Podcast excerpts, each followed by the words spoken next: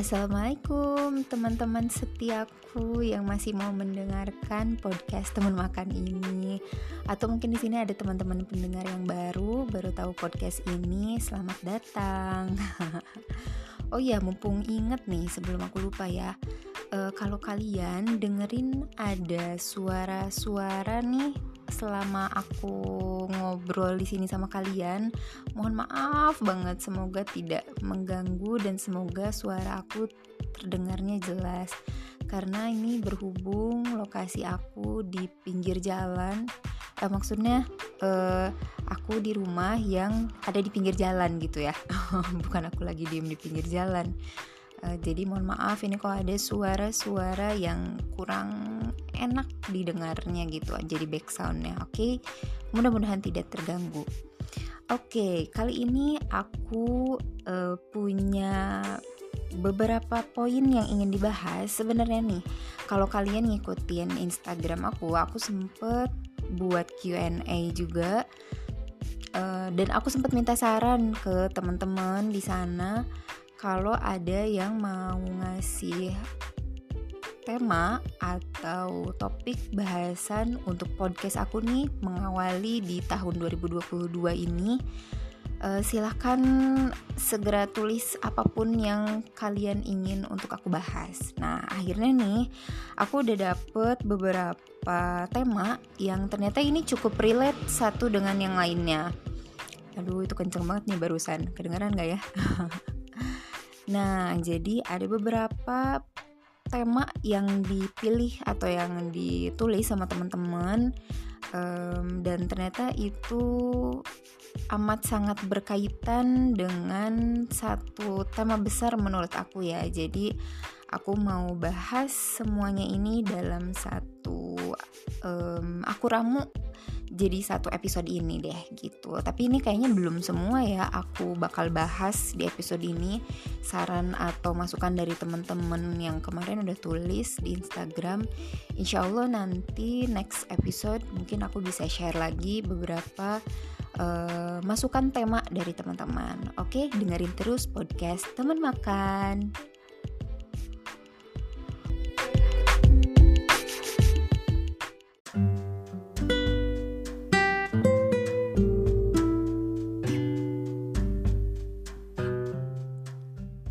Percaya nggak kalau kita tuh punya banyak keresahan yang sama? Nih ya, coba kamu tandain mana keresahan yang kamu juga ngalamin ini.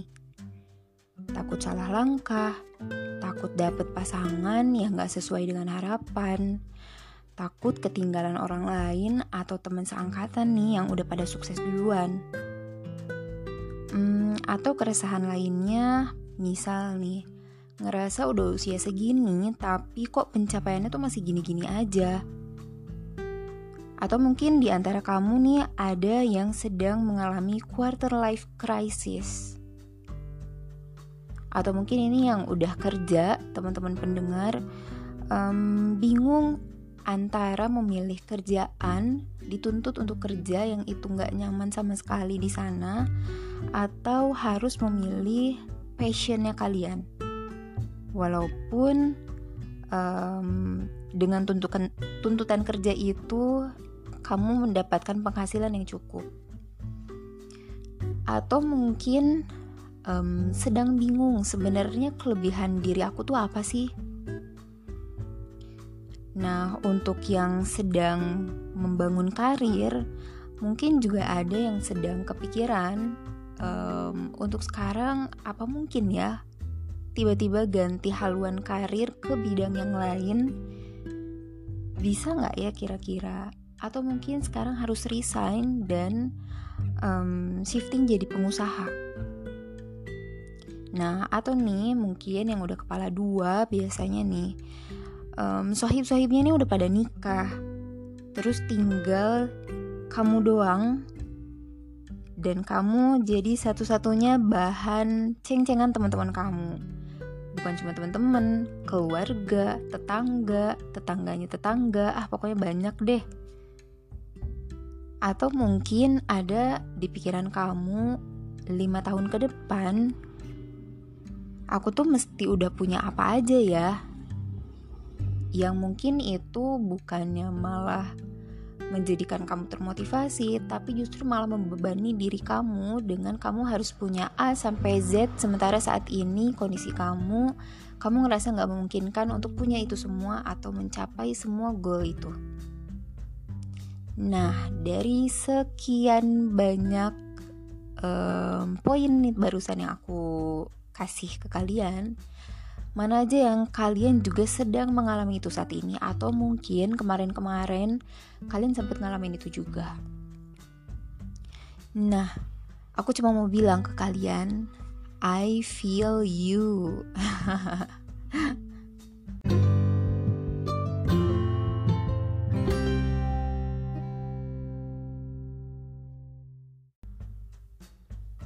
Ada satu tulisan yang aku baca dan itu isinya um, review dari sebuah buku yang berjudul You Do You uh, tulisan dari Ruby. Sebenarnya aku juga belum baca bukunya tapi aku tertarik banget sama apa yang dijelasin nih sama beliau uh, penulis artikel yang tadi aku maksud. Nah jadi ketika kita merasakan semua keresahan yang tadi aku bilang di awal semua kegelisahan semua hmm, rasa takut yang muncul dalam diri kita, sebenarnya itu bisa terjawab sendirinya ketika kita bisa menjawab hanya satu pertanyaan aja. Kita akan bisa menjawab semua pertanyaan yang muncul di benaknya kita.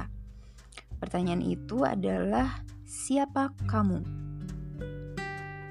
Nah, jadi ketika kita kenal sama diri kita sendiri, maka itu adalah titik terang untuk masa kini nih masa sekarangnya kita dan masa depannya kita. Atau nanti entah itu yang disebut masa depan 5 tahun ke depan 10 tahun ke depan atau bahkan seminggu ke depan.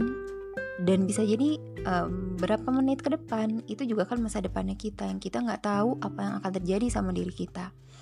Nah pertanyaan tadi siapa kamu? Itu harus bisa kita jawab dulu. Maka itu yang akan bisa membuat kita punya jawaban untuk pertanyaan-pertanyaan lainnya yang terus bercabang.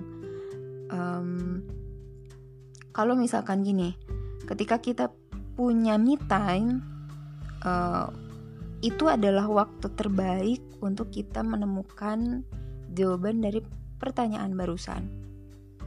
Karena kita bisa merefleksikan diri kita dengan tenang, dengan nyaman, dengan merasa aman gitu ya, tanpa uh, ada interupsi dari kanan, kiri, depan, belakang gitu. Tidak ada pihak luar, tidak ada pihak lain yang akan uh, memberikan uh, pernyataan yang condong ke salah satu pernyataan. Yang ada itu akan menjadi munculnya dari dalam diri kita aja gitu ketika kita mencoba untuk punya me time. Yang me time ini betul-betul kita gunakan untuk uh, mengevaluasi diri, merefleksi dirinya kita. Nah, setelah itu juga sebenarnya kita tuh bisa melihat secara menyeluruh diri kita. Jadi me time tuh nggak melulu kita jalan-jalan sendiri atau uh, aku yakin deh me time kita tuh bisa jadi beda-beda ya. Uh, me time aku mungkin sama me time kalian, teman-teman pendengar bisa jadi juga beda. Ada yang me time itu ketika di tempat yang ramai tapi dia bisa uh, beraktivitas sendirian ya mungkin itu adalah me time dia jalan-jalan ke toko buku ke mall ke ke mana pun itu ya ke tempat makan belanja um, ya mungkin itu adalah me time-nya dengan sendiri atau olahraga gitu ya sendiri. Nah tapi mungkin untuk sebagian teman-teman yang lain nih uh, me time-nya itu ketika ada di ruangan yang sepi, sunyi, tenang, um, hanya ada suara-suara ya sekitar aja, bukan suara-suara bising kendaraan nih kayak sekarang banyak banget dari tadi kendaraan yang lewat ya. Atau misalkan suara-suara um, yang kurang nyaman didengar dan itu mengganggu konsentrasi. Mungkin ada teman-teman yang me time-nya itu dia lebih suka diem di kamar sendirian um, dan dia sambil nulis atau sambil denger lagu atau ya apa pun bentuk ekspresi me time-nya gitu kan. Dan itu sah-sah aja ya. Um, hanya kita perlu garis bawahi me time itu nah sorry. Kita perlu garis bawahi me time itu bukan hanya tentang menghabiskan waktu saat itu aja tapi itu harus jadi energi, harus jadi chargernya diri kita untuk bisa uh, mengawali lagi langkahnya kita setelah kita beres dengan me time kita. Karena mau nggak mau kita pasti bersosial, mau nggak mau kita pasti bergesekan, uh, berinteraksi dengan orang-orang lain gitu kan kita nggak bisa selamanya hidup sendirian kita nggak bisa hanya memikirkan diri kita aja. Kita juga perlu mikirin orang sekitarnya kita perlu mikirin orang lain supaya kita juga bisa bertumbuh kembang gitu kan. Nah oke. Okay. jadi ketika kita balik lagi ya ke me time tadi selain untuk merefleksi diri kita juga bisa melihat secara keseluruhan diri kita. Kita bisa mengurai situasi-situasi yang sedang kita alami atau yang sempat kita alami kemarin-kemarin. Dan itu udah selesai ataupun itu belum selesai kita coba analisis nih apa sebenarnya yang um, sudah kita lakukan untuk menyelesaikan berbagai situasi tersebut. Nah selain itu kita juga bisa menerima segala sesuatu yang melekat pada diri kita. Jadi nih menurut aku ya temen-temen kalau kita hmm, belum menerima apa yang terjadi, apa yang um, melekat sama diri kita, entah itu fisik, entah itu ya gaya bicara mungkin, atau karakter, atau apa pun itu gitu ya tentang diri kita. Kalau kita belum bisa menerima, akan lebih sulit untuk kita ke depannya mengalami berbagai hal untuk mendewasakan dirinya kita. Aku bilang kayak gini karena mungkin aku juga pernah mengalami itu, sulit untuk menerima keadaan, situasi gitu ya, kondisi yang lalu um, punya kesulitan-kesulitan yang ketika aku coba urai, ketika aku coba untuk menerima, uh, memaafkan, untuk bisa legowo gitu ya. Pada akhirnya ternyata itu membuka pintu membuka pintu-pintu yang baru untuk aku bisa melangkah ke depan.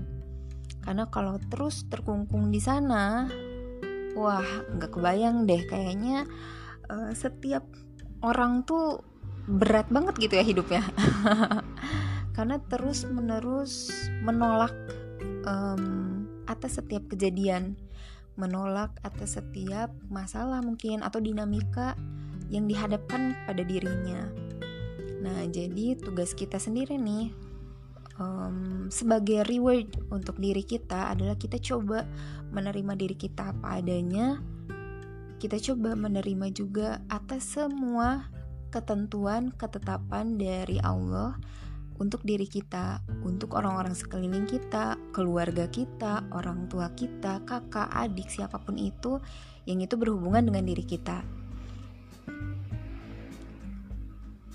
Nah, pengalaman hidup yang kita alami pun sebenarnya itu hmm, kalau diceritain nih setiap diri kalian, kita semua pasti pengalaman hidupnya panjang tergantung juga ya usia kalian berapa saat ini 20 berapa atau ada yang masih belasan mungkin pendengar um, pasti pengalaman hidupnya pun bisa berbeda-beda kan kita nggak bisa menyamaratakan tapi ada satu pola yang bisa kita lakukan um, pola tadi ketika kita mau menerima dulu maka insya Allah ke depannya kita bisa punya kesempatan yang lebih baik punya sudut pandang yang lebih baik, punya punya apa ya? Kita punya peluang untuk lebih dewasa, untuk naik level, upgrade diri kita gitu loh. Wah pokoknya banyak deh nilai plus yang kita, bisa kita lakukan ketika kita bisa menerima dulu uh, dirinya kita. Dan uh, setelah itu kita juga perlu meyakini kalau semua ketakutan akan masa depan itu itu semuanya hanya asumsi diri kita itu semua belum terjadi kita kan nggak tahu ya apa yang akan terjadi tadi ya berapa tahun ke depan berapa bulan ke depan berapa hari ke depan berapa jam menit detik ke depan kita nggak tahu nih apa yang terjadi sama kita. Jadi um, memang betul itu semua baru asumsi kita itu baru ada di pikiran kita. Kalau mungkin teman-teman tahu istilah overthinking kali ya kita udah overthinking duluan nih gitu. Wah takutnya ini takutnya itu. Aku yakin kita semua pernah mengalami itu entah itu mungkin cuma ada yang merasakannya sekali atau berkali-kali atau terus menerus gitu ya. Tapi aku jadi inget juga nih kata Kang Dewa Eka Prayoga. Kalau kata Kang Dewa ketika semua masih asumsi maka itu hanya asumsi sampai kita konversi menjadi bukti. Jadi kalau belum kita konversi menjadi sebuah bukti, belum uh, intinya belum bisa kita buktiin ini tuh akan seperti apa jadinya yang kita lakukan, berarti itu masih asumsi. Berarti itu masih belum uh, bisa kita tebak. Ini bakal jadi kayak gimana nih? Yang penting ya kita jalan dulu, kita maju dulu, kita berproses dulu. Nanti setelah ada hasil, maka itulah yang jadi bukti artinya ya asumsi kita sudah bisa kita konversi sudah bisa kita uh, patahkan mungkinnya asumsi-asumsi yang bisa jadi dulu tuh negatif. Overthinkingnya kita terlalu banyak terlalu numpuk. Padahal ketika kita buktiin nggak kayak gitu juga kok sebenarnya gitu ya. Ketakutan-ketakutan itu ternyata nggak terjadi gitu kan.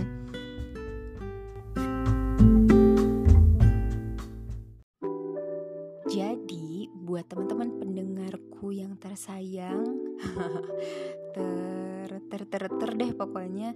Kalau kalian saat ini sedang merasakan keresahan, kegelisahan atau ketakutan untuk masa depan atau masa kini bahkan gitu ya jangan khawatir kamu gak sendiri karena banyak bisa jadi kita semua ini sedang mengalami yang mungkin bentuk keresahannya aja yang beda-beda gitu kan. Tapi setiap orang pasti punya keresahannya dalam dirinya nah uh, yang penting kita yakin kalau um, Tuhan itu Allah itu nggak bakal terus menerus bikin kita um, dalam kondisi terpuruk atau merasa gagal atau merasa sedih kecewa takut gitu ya.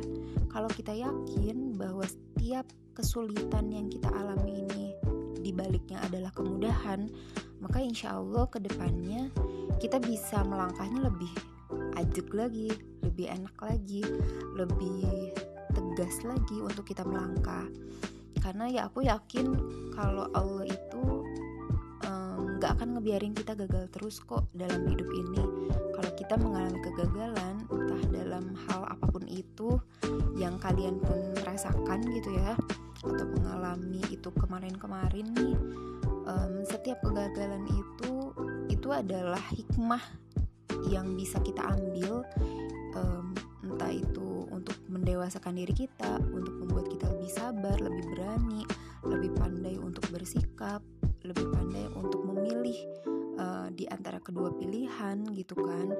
Um, dan kita lebih bisa menilai um, kita harus bersikap seperti apa dengan situasi yang terjadi kepada diri kita gitu. Pokoknya doa terbaik untuk kalian. Um, semoga di tahun 2022 ini kalian lebih sukses, kalian mencapai goal kalian. Yang goal ini bukan hanya kalian akan dapatkan di dunia, tapi mudah-mudahan itu jadi bekal untuk kalian sampai nanti ke tempat terindah di akhirat. Semoga itu juga menjadi tempat berkumpulnya kita semua, bukan hanya sekarang nih kita berkumpul, tapi suatu saat nanti kita akan dikumpulkan lagi di tempat yang di mana kita di sana abadi tanpa harus um, memikirkan hal-hal yang sekarang ini banyak jadi kecemasan untuk kita. ya pokoknya gitu aja dari aku mungkin ya untuk episode kali ini insya Allah nanti aku akan buat episode berikutnya uh, masih menampung uh, masukan-masukan dari teman-teman pendengar nih. Kalau misalkan kalian mau ada request atau kalian ada masukan lain untuk podcast teman makan ini uh, feel free ya untuk uh, komen apa pun deh. Terima kasih banyak, sehat selalu kalian semua dan keluarga kalian di rumah atau di mana pun berada. Oke, okay? sukses pokoknya bahagia selalu dunia dan akhirat. Amin. Assalamualaikum warahmatullahi wabarakatuh.